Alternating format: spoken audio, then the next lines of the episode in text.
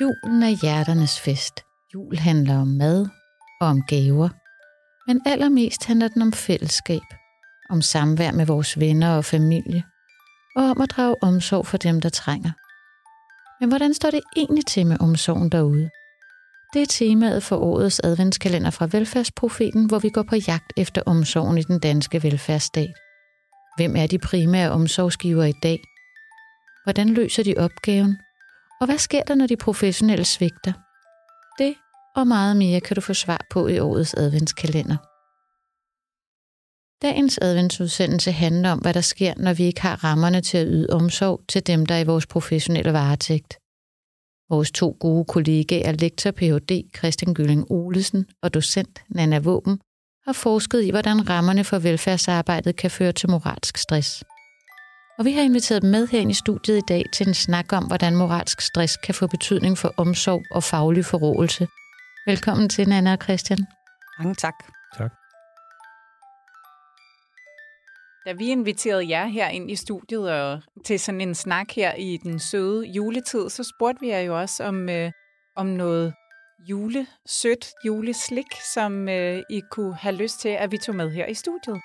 Og øh, Christian, du var ret hurtig til at sige øh, pebernødder, men ikke øh, hvilke som helst pebernødder, fordi vil du ikke sige lidt om, hvad det var, du ønskede dig? Det var de dig? pebernødder. De er sådan lidt hårdere i det og smager Ja. peber. Ja, ja. Og øhm, de kan jo åbenbart noget særligt. Jeg, jeg var ikke klar over det, men nu er jeg klar over, at, øh, at de kan noget. Og øhm, vi har jo faktisk nogle pebernødder med, og nu siger jeg vi og tager totalt ejerskab, fordi Lotte har bagt. Så øhm, har I ikke lyst til at øh, smage på dem, så må du Jo, vurdere, tak. om de øh, kan Jeg slå. ser lidt store ud. Mere en småkage. Om de er vendsysselske nok. Ja. Mm, tak. Før vi går i gang, så skal vi måske lige slå fast, hvad moralsk stress er for en størrelse. Man kan sige, at moralsk stress det handler om den følelse, som kan opstå som en reaktion på en situation, som man ikke synes er okay, og hvor man synes, man er kommet til at have andel i noget, man ikke kan stå indenfor som professionel eller som menneske. Og Nana og Christian, I har jo været i kontakt med rigtig mange velfærdsprofessionelle. I har talt med ansatte ved politiet, på skoler og på plejehjem. Og der har I mødt velfærdsprofessionelle, som har fortalt om de her situationer, som har efterladt dem med en følelse af moralsk stress. Kunne I prøve, om I har et, altså at komme med et konkret eksempel på, hvordan det her moralske stress kan se ud øh, ude i praksis?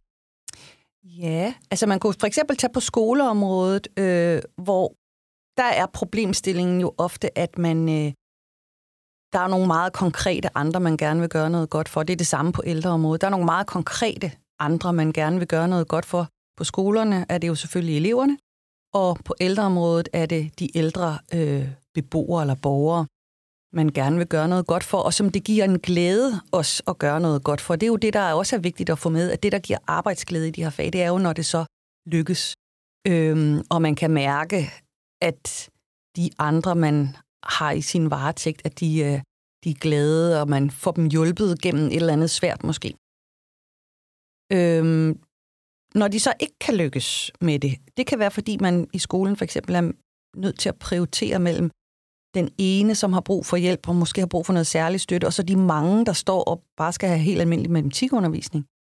Øh, og så bliver man nødt til at fravælge enten den ene eller de mange, og det kan virkelig give ondt i maven, og, og det kan også være situationer med udadreagerende adfærd hos børn, der har det virkelig, virkelig svært.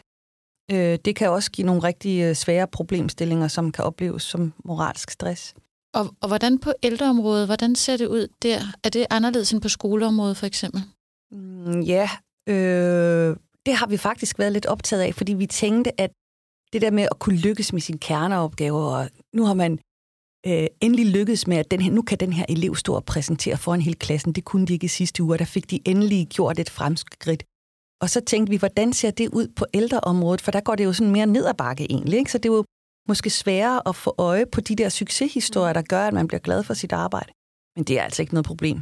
Øh, øh, der er mange på ældreområdet, som finder sådan stor glæde ved for eksempel øh, øh, at, at sørge for, at øh, folk er ordentligt smertedækket, og at de får en god afsked og får rundet af med deres familie. Og, øh, altså, så selvom det går ned ad bakke, og de øh, sidste i livet, de mennesker, de har med at gøre, så, øh, så øh, som en af dem, hun sagde, øh, hvis jeg bare kan gøre, at en dement borger har en, en, bare en god time, så har jeg gjort noget godt for både den her ene borger og for den her gruppe af mennesker. Så, så øh, selvom vi tænkte, hvordan får de øje på det positive i deres arbejde, det har de altså ikke selv noget, nogen vanskeligheder med. Men omvendt er der jo også det begreb i ældreplejen, der hedder stjernestunder. Og det siger jo også lidt om, at så ofte er det heller ikke, øh, at du har muligheden for at have det her samvær, hvor du, hvor du kigger den ældre i øjnene og hjælper dem, for eksempel med at give neglelak på eller noget. Ikke? Og, og, øh, så, så der er jo sådan nogle begreber, der florerer for, for at finde en eller anden form for mening i arbejdet. Ikke? Ja, de vil gerne have lidt flere stjernestunder. Ja, det er der ingen tvivl om. Mm. Og så hvornår, når det, de ikke har stjernestønderne, men det modsatte, altså når de oplever det her moralske stress, hvordan kommer det til udtryk på ældreområdet?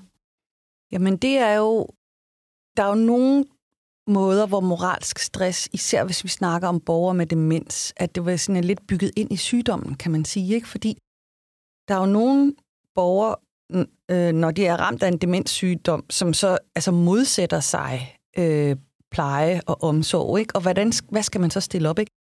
På den ene side set, så vil det rigtige være at få skiftet blæ og tøj, og måske kom, få den her borger i bad. Men for pokker, hvis, hvis, hvis borgeren ikke vil, altså, så kan man jo heller ikke lave et overgreb for at få dem i bad. Det vil jo også være forkert. Så der er nogle situationer, hvor de ikke kan komme til at gøre det rigtige, uden også at gøre det forkerte.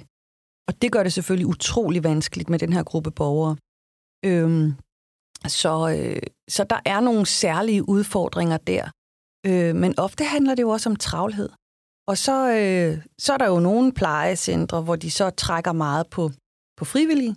Og det har de faste, det er meget blandet med, fordi at, så kommer de frivillige jo netop og har stjernestunderne sammen med, med, med de ældre og får lov til at sidde i haven og, og hygge sig med dem, eller, eller gå en tur, eller hvad det nu kunne være.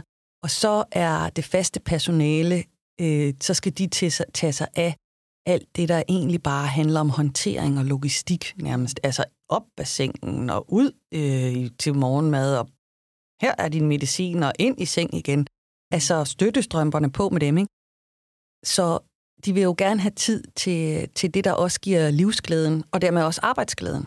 Øh, altså det giver livsglæden for de ældre og arbejdsglæden for personalet, ikke? Mm. Ja, og nu tænker jeg, hvis vi lige sådan skulle prøve at indkredse det, fordi nu har vi jo også inviteret jer herind for at hjælpe os med at jagte nogle perspektiver på professionel omsorg i forskellige sammenhænge. Og noget af det, jeg hører jer sige her, er også det her med, at omsorgen måske godt kan ses i det her med, at man gør noget godt for andre. Eksempelvis succesoplevelserne, eksempelvis det her med at skabe livskvalitet for borgeren selv i sådan nogle små oplevelser eller stjernestunder, som du også øh, nævner, Christian, selvom man gerne ville have flere af dem, ikke, som I også øh, siger. Men er det, er det sådan den måde, I vil betegne professionel omsorg på fra jeres perspektiv, eller kan vi lægge noget mere til, hvordan man kunne forstå det? Det, det er jo interessant med det her omsorg. Jeg kan huske, da jeg begyndte at undervise øh, dagtilbud, så måtte øh, jeg bestemt ikke bruge det begreb. Ikke? Fordi der jo nok var en, en kamp om, at det var mere end omsorg. Ja. Men på den anden side omsorg også en bred betegnelse for, hvad er det for en type faglighed, der mm. bliver bidraget med. Så jeg på min skole som ledelse- og organisationsforsker, så vil det jo være, det er opgaven, og i der indbygger omsorg. Ikke? Og det er ret vigtigt forstået på den måde, at moralsk stress kommer også nogle gange til udtryk på den måde, at du bliver meget, meget overvældet og føler dig magtesløs. Og på den måde er du meget i det, øh, i det personlige. Ikke? Så hvis du skal arbejde med øh, og, og forebygge moralsk stress, skal du, øh, i hvert fald fra mit perspektiv, tilbage til, hver opgaven, ikke? Ikke? Så for eksempel har jeg talt med skoleledere, ikke? hvor de så siger, hvis lærerne kommer ind, de har selvfølgelig ambitiøst på deres elevers vegne, og de har elever, der er udfordringer, måske har svært ved at læse, og så tænker de og siger til hvis bare jeg kunne få lov at sidde en hel dag med, med lille Peter her, så skal jeg nok få ham til at læse. Ikke? Hvor, hvor, hvor med ledelsen til at sige, jamen, øh, det er faktisk ikke muligt med Peter, men det, men det er ikke dig, der er noget galt med, det er opgaven. Ikke? Så lad os sammen begynde at vurdere, hvordan er det, vi kan øh, i fællesskab løse opgaven med at få hjælp Peter med at læse til det niveau, Peter nu kan. Ikke? Så det er jo oversat fra det meget personlige område til øh, over i opgaven. Hvad er opgaven her? Og selvfølgelig prøve at afindividualisere, at, at læreren ikke står alene med, hvad kan man sige, den overvældelse og magtesløshed, og det er lederens, lederens opgave at hjælpe med det. Ikke? Så for mig er omsorg, det er, øh, det er opgaven, vi er på. Men det er meget sjovt, du siger det, Christian, fordi da vi skulle forberede den her øh, advents-podcast-serie, så prøvede vi selvfølgelig at slå op på forskellige definitioner af omsorg. Og da jeg slog op i det danske nationalleksikon, så havde de faktisk den definition på omsorg, at det var omhyggelig løsning af en opgave, mm. hvor min egen forforståelse af omsorg, det var klart noget mere relationelt, altså det som... Øh, men altså, ja, relationen til dem, man skal tage vare også, på. Ja. Men det er jo bare for at sige, at det er jo også en professionel opgave, mm. hvor du selvfølgelig også bruger din, din personlighed, ikke? men det er et professionelt perspektiv.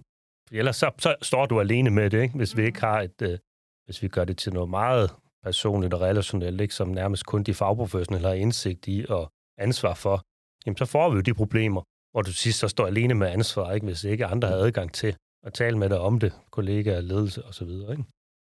Men man kan også sige, altså det er jo også et, øh, det er jo også et, ligesom så mange ord, så er det jo også et omstridt begreb, som kan forstås på mange måder, og jeg kan sagtens genkende det, som Christian siger med, at der også har været en strid om det ord, og der har været nogen, som, som tænker, Øhm, vores arbejde skal ikke, hvad skal man sige, reduceres til omsorg, fordi vi har faktisk en kæmpe faglighed, og det tror jeg er en del af det.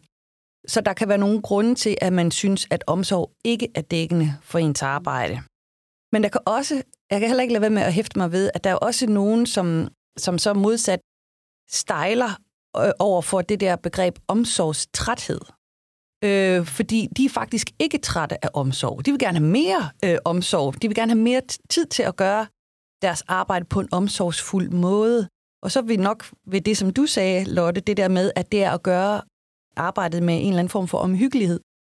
Øh, så det er ikke sådan noget, at en opgave er omsorg, og så er der nogle andre opgaver, som ikke er omsorg. Det er mere det der med, at man har tid til for eksempel at give en støttestrømpe på på en omsorgsfuld måde, så det ikke bliver sådan noget jap, jap, jap, og så, øh, øh så, så, så en ting er, at for eksempel på ældreområdet, at de snakker om stjernestunder, dem vil de gerne have flere af, men de vil også bare gerne have, have, have bedre tid til at kunne øh, gøre alle de daglige rutineopgaver med op og, op af sengen og ned i sengen osv. osv. på en omsorgsfuld måde, hvor man har tid til øh, at være ordentligt til stede og, og, og tale med, øh, med, øh, med folk undervejs. Der er jo også sådan en omsorgsetik i det, tænker jeg. Altså sådan en helt du holder andre menneskers liv i, i dine hænder, ikke? Og, det, hvis vi kommer tilbage på det, det vi, vi, vi var optaget af, eller, eller talt meget med, med, øh, med, med med pædagoger og, og øh, personale i ældreplejen om, øh, så var det jo det der med, at og du, hvis vi kommer tilbage til rammerne for at kunne lave sin kerneopgave, ikke? så mange af rammerne er jo meget noget med at styre nogle ressourcer. Og det er jo meget med at dele tingene op. Ikke? Så på skoleområdet, ikke? når du så øh, kan sende en elev videre til specialskolen, så er de sådan set ude af, ude, ude af skolen, ikke? og så er der rum til noget andet. Ikke? Og så kan man ligesom krydse af på en list. Men der oplevede fem, jeg husker, jeg talte med en inklusionspædagog, men det var jo ikke nok. Øh, hun var jo optaget af, jamen, øh, hvordan vil det barn blive modtaget på specialskolen? Hvad der ske i, frem, i, i hvilken livsduelighed vil det barn få i fremtiden? Det kunne hun jo ikke bare lægge fra sig. Så der var jo en omsorgsetik på spil. Hun holdt jo det her barns liv i sine hænder, så det kunne man ikke bare administrativt vinge af på en liste og sige, nu er det barn videre. så der var ligesom det, det, det, det to, altså, rammerne brød sig ligesom imod, at nu skulle vi bare videre. Ikke? Der skulle man ligesom have, ligesom have afsluttet, eller i hvert fald følge op på, hvordan går det så, lille Peter, der er kommet videre. Ikke? Der kan man ikke bare sige, nu, nu, nu lille Peter videre, så nu skal vi videre hele tiden. Ikke? Der skal man lige afslutte øh, og følge op, og, og hvordan går det med lille Peter. Ikke? Det skal man lige være opmærksom på. Så du siger, Christian, at på den ene side, så øh, er det noget, man skal tage op som ledelse og hjælpe med at aflaste sine medarbejdere fra den moralske stress. Mm-hmm. Men der er også en etisk, personlig fordring, som det kan være svært at flytte. Så selvom man måske som leder tænker, jamen nu har jeg flyttet Peter ud, så, så den del af din moralske stress har jeg fjernet, men der kan den enkelte lærer eller pædagog alligevel godt have en grundlæggende etisk fordring over for det barn. Man kan ikke bare udlicitere omsorgen til nogen andre, eller hvordan? Jo, men altså nu tænker jeg, at det er en administrativ logik, hvor du siger, at nu har vi krydset af på en liste. En ledelsesmæssig logik vil jo netop også drage omsorg for, at læreren kan drage omsorg. Ikke? Altså, øh, så, så det er jo at have den, den, den, det, det blik på, hvad opgaven her, borgeren barnet betyder for de fagprofessionelle, ikke? Og ikke bare have en administrativ logik, du leder efter. Det er jo at møde de fagprofessionelle ud fra, at de faktisk ønsker at skabe værdi for borgerne og møde borgerne og drage omsorg for dem. Ikke? Man kan sige, at mange af, af de mennesker, vi taler om, og som arbejder i den, den offentlige sektor, de, øh, de har jo et stort hjerte, og de, de, de vil faktisk rigtig gerne påtage sig et ansvar. Også et meget vidtrækkende ansvar, som har sådan en ret øh, holistisk øh, forståelse af andre mennesker. Så de tænker netop ikke på den der uh, måde med, Nå, nu har vi vinget den her opgave af videre næste. Uh, de tænker ofte ret holistisk og, og, og føler et stort ansvar for de uh, børn og borgere, de, de har i deres uh, varetægt, og bekymrer sig om, hvordan det går dem. Uh, og, og det er også en af grundene til, at hvis man øh, vil løse den her omsorgskrise, som der nogle gange bliver talt om, øh, så, øh, så øh, den, den, nogle gange så taler man om den der omsorgskrise som simpelthen kun en rekrutteringskrise. Altså, vi skal have nogle mennesker til at arbejde i de her fag. Øhm, men hvis man vil have flere mennesker til at arbejde i de her fag, så er det sindssygt vigtigt, at de så også synes, de kan stå inde for deres arbejde, at de kan tage vare på de øh, mennesker, de øh, kommer til at have ansvar på, for på en ordentlig måde.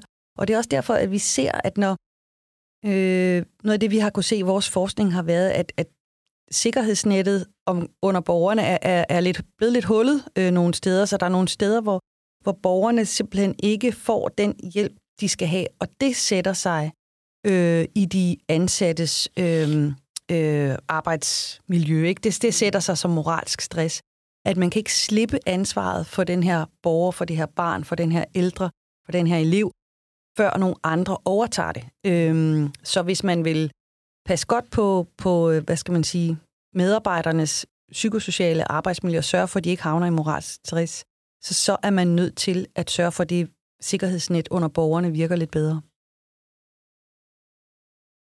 Nå, men det var mere bare, altså fordi så synes jeg jo også, I, tænker jeg også, I lidt inde på rammerne ja. om opgaven. Ikke? Fordi en ting er det her med, hvordan, hvordan taler vi om opgaven? Hvor meget taler vi omsorg ind i den opgave, der skal leveres, og hvor meget bliver det et kryds eller et hak, så er den vinget af, så har vi klaret den opgave.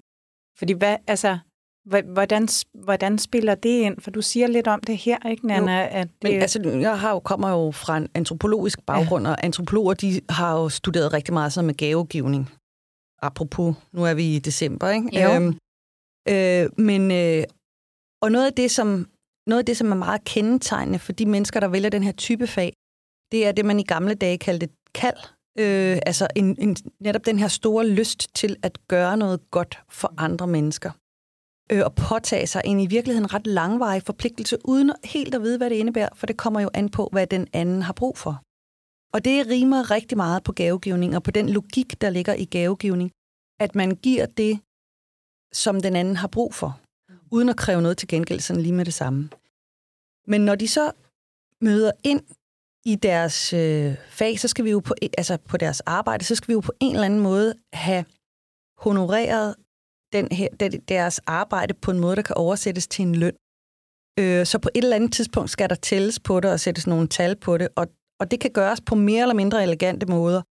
Og øh, nogle af de logikker, som, som Christian var inde på, hvor man ligesom skal levere en ydelse. Altså, der er bare ingen, der bliver lærer for at levere en ydelse. Øh, de, bliver, de bliver lærer for at gøre noget godt for børn.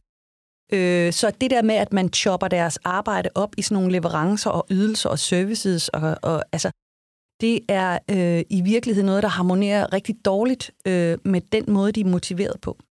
Øh, så, så den, man skal passe på, at man, at man værner om den der lyst til at gøre og give noget, noget godt. Og det kræver, at man, øh, man måske ikke er helt så nøjeregnende og helt får choppet de der øh, opgaver op i for små øh, bidder og leverancer, fordi det, øh, det er ikke sådan, de tænker. Og i et psykisk arbejdsmiljøperspektiv, hvis vi vender den mod medarbejderne, mm. så er det jo det der med, vi har hørt meget på tværs af mange af de undersøgelser, vi har lavet, det med at føle sig som et brik man bare bliver flyttet rundt i sådan et ressourceperspektiv. Ikke? Så for mm. eksempel, nu skal man bare fylde huller i løbet af nattevagten. Hvis du er en pædagog, der arbejder på et, øh, i, et, i et fængsel eller øh, på et, øh, et plejehjem eller noget. Ikke? Øh, eller, men jeg er jo pædagog, hvorfor skal, vi, skal jeg ikke bruge den faglighed? Jeg, det er det, der er min identitet, det er det, jeg ønsker at bidrage med til kerneopgaven her i det her fængsel eller på det her plejecenter. Ikke? Nej, nu skal jeg bare fylde huller, øh, hvor der er huller i vagtplanen. Ikke? Fordi det er lige det, man sidder med fra ledelsens side og har, har behov for. Ikke? Men der skal man jo passe på, at man, man, ikke, at man, man også anerkender, Øh, hvad, hvordan bidrager at du og din faglighed ind til kerneopgaven her, og ikke bare bliver en brik, man kan flytte rundt med og det hører vi også fra sygehusen, og så videre, og så videre, og så videre. Det der med at føle som en brik i et større spil, øh, et ressourcespil, det er meget demotiverende, ikke? Og det er jo det, at der er vigtigt at sige, at, at selvom de her mennesker har et holistisk øh, menneskesyn ofte og gerne vil gøre en forskel, så er det ikke på en hvilken som helst øh, præmis, vel? Så hvis de mødes af den logik, som Christian lige snakker om, så kan de også godt selv blive meget nøjeregnende. Altså, hvis det er sådan en klaveret spiller, så tæller jeg også. Øh, øh, og så kan I få, hvad I har betalt for, øh, og så går jeg hjem. Altså, så, så man kan, den, der, altså man, man kan faktisk komme til at ødelægge den der lyst til at give, hvis man, øh, hvis man er for nøjeregnende og for, for, for altså, tællende. Ja, så kan vi simpelthen se, at det kan komme til at få en uhensigtsmæssig det, det eroderer øh, den, øh, omsorgen. Lige ja. præcis den lyst til at, at, at give omsorg. Christian, før der nævnte du det her med, at omsorg, det kan både handle om omsorgen her og nu for det menneske, man kan tage sig af, men det kan også være en omsorg af, hvad sker der, når jeg skal overlevere det til et andet sted, eller øh, der, der også er noget tidsligt. Kunne I prøve at udfolde det lidt mere? Øhm, ja, dels er der jo det der med, øh, at omsorg handler om, at der er tid til at gøre opgaven omhyggeligt. Øhm, det er den ene, det ene form for tidslige element. Det andet form for tidslige element er, at hvis man øh, rammes af moralsk stress, fordi man ikke kan komme til at yde den der omsorg på en ordentlig måde, så, øh, så skal det faktisk gå lidt hurtigt med at få hjælp. Øh, og det tredje tidslige element er, at øh, omsorg jo også rummer en, en holistisk forståelse af det andet menneske, hvor man både tænker den andens fortid og den andens fremtid med ind i den handling, man laver her og nu. Altså, vi så det jo på ældreområdet, så så, så vi, vi det jo meget med, altså igen, de her borgere, der er ramt af demens, ikke? Øh, der kan det jo være lidt de forsvinder jo på en måde mere og mere. Ikke? Det er sværere og sværere at kommunikere, og hvad er det egentlig, de gerne vil, og hvad er godt for dem nu, og hvis de modsætter sig osv. osv. Der så vi, øh, at personalen, øh, de, øh, øh de var rigtig gode til at sætte sig i den anden sted. Altså selvom det ser ud som om på deres vagtplan eller deres opgaveplan, der ser det ud som om, de bare er i gang med at give en støttestrøm på. Men i virkeligheden, så foregår der en hel masse hen over den der støttestrømpe. Der er både noget med at sætte sig i den anden sted, og der er noget med at sætte sig i den andens tidligere jegs sted og prøve at finde ud af, hvordan ville de, da de var i deres velmagtsdage, have ønsket sig, at den her situation, den, den udfoldede sig, og, øh, og hvornår skal jeg vægte, at dengang de var yngre, ville de nok have foretrukket, at vi lige fik ordnet de der øh, hår i ørerne, eller øjenbryn, der strider, hvis de så i deres nuværende jeg ikke synes, at de skal have ordnet de der øjenbryn. Øh, så hvornår gør man det ene, og hvornår gør man det andet? Det er en, en mega svær balancegang. Så der foregår rigtig meget andet end det der praktiske, som fremgår af opgavelisterne.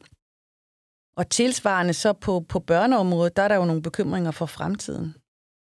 Ja, og det er jo også øh, det med, at det er jo ikke sådan, at skolen har adgang til alle sine egne ressourcer, og så kan det ligesom mobilisere dem til at tage sig af øh, udsatte børn. Øh, det er jo sådan et øh, visitationssystem, ikke? hvor du så øh, ligesom skal vente på, at du får visiteret noget hjælp, enten fra BPR eller psykiatrien eller, øh, eller andre steder. Øh, og på den måde, og det er jo sådan lidt en administrativ igen logik, ikke? en visitationssystem, ikke? hvor det er forskellige ydelser, som du tilbyder øh, på baggrund af, at du har prøvet en masse ting og fået dokumenteret det. Ikke? På den måde bliver barnet jo ligesom choppet op i nogle, nogle, nogle, nogle ydelser, så at sige. Men som fagprofessionel, som lærer, inklusionspædagog, øh, leder, øh, så, øh, så ser du på barnet. Du møder jo barnet. Det er jo lille Peter og lille Fatima. Det er jo dem, du møder som hele mennesker. Og det står jo så imod den logik på en eller anden måde. Ikke? Og skulle navigere i det, øh, de, de, de, de lidt, det krydspres, som vi jo kalder det, eller de forskellige rammer, der, der ligesom trækker i hver sin retning, det er jo en fagprofessionel og ledelsesmæssig opgave ude i skolerne, ikke? Men den måde, hvorpå det ligesom er organiseret som et, øh, et visitationssystem, det gør det altså ikke lettere. Så man kan sige, at vi som, som julegave ønsker vi altså ikke flere ressourcer, fordi de bliver sådan set bare hældt ned i det samme system, som man så skal ansøge om og vente på. Ikke? Det er nye organiseringer, vi ønsker os. Ja, vi ønsker os en, en økonomistyring, der reagerer hurtigere, når folk står, altså når medarbejdere og borgere står med akut behov.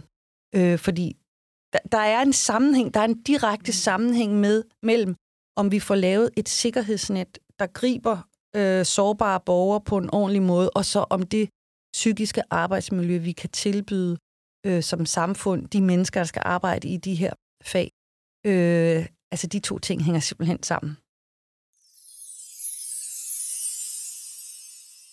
Christian, så du fik øh, sendt en ønskeseddel ud, øh, men I har jo også tilbudt at levere en gave til vores lyttere, og den glæder vi os meget til at høre, men bliver jo først fjerde søndag i advent, vi åbner gaven om, hvordan kan man så komme moralsk stress og omsorgskrisen til livs. Tusind tak for at, i hvert fald i dag at kaste lys over, hvad er det, der kan føre til omsorgssvigt i sådan, eller hvad er det for nogle rammer, der kan føre til omsorgsvægt. Så tusind tak for det. Tak fordi I kom. Tak for pebernødder. ja, Ja, velbekomme. vil, I ikke, komme. vil I ikke spise nogle flere? Jeg spiser nogle. Det var alt, hvad vi havde valgt at bringe i denne anden adventsudsendelse om omsorg og moralsk stress. Tak fordi du lyttede med. Vi håber, at vi høres ved i næste uge til tredje søndag i advent, hvor vi får besøg af lektor Ph.D. Lotte Evren, som er forsker og underviser på sygeplejerskeuddannelsen her på Københavns Professionshøjskole. Hun vil fortælle, hvordan omsorg ser ud i sundhedsvæsenet, og hvad der sker, når omsorgen bliver væk. Vi lyttes ved.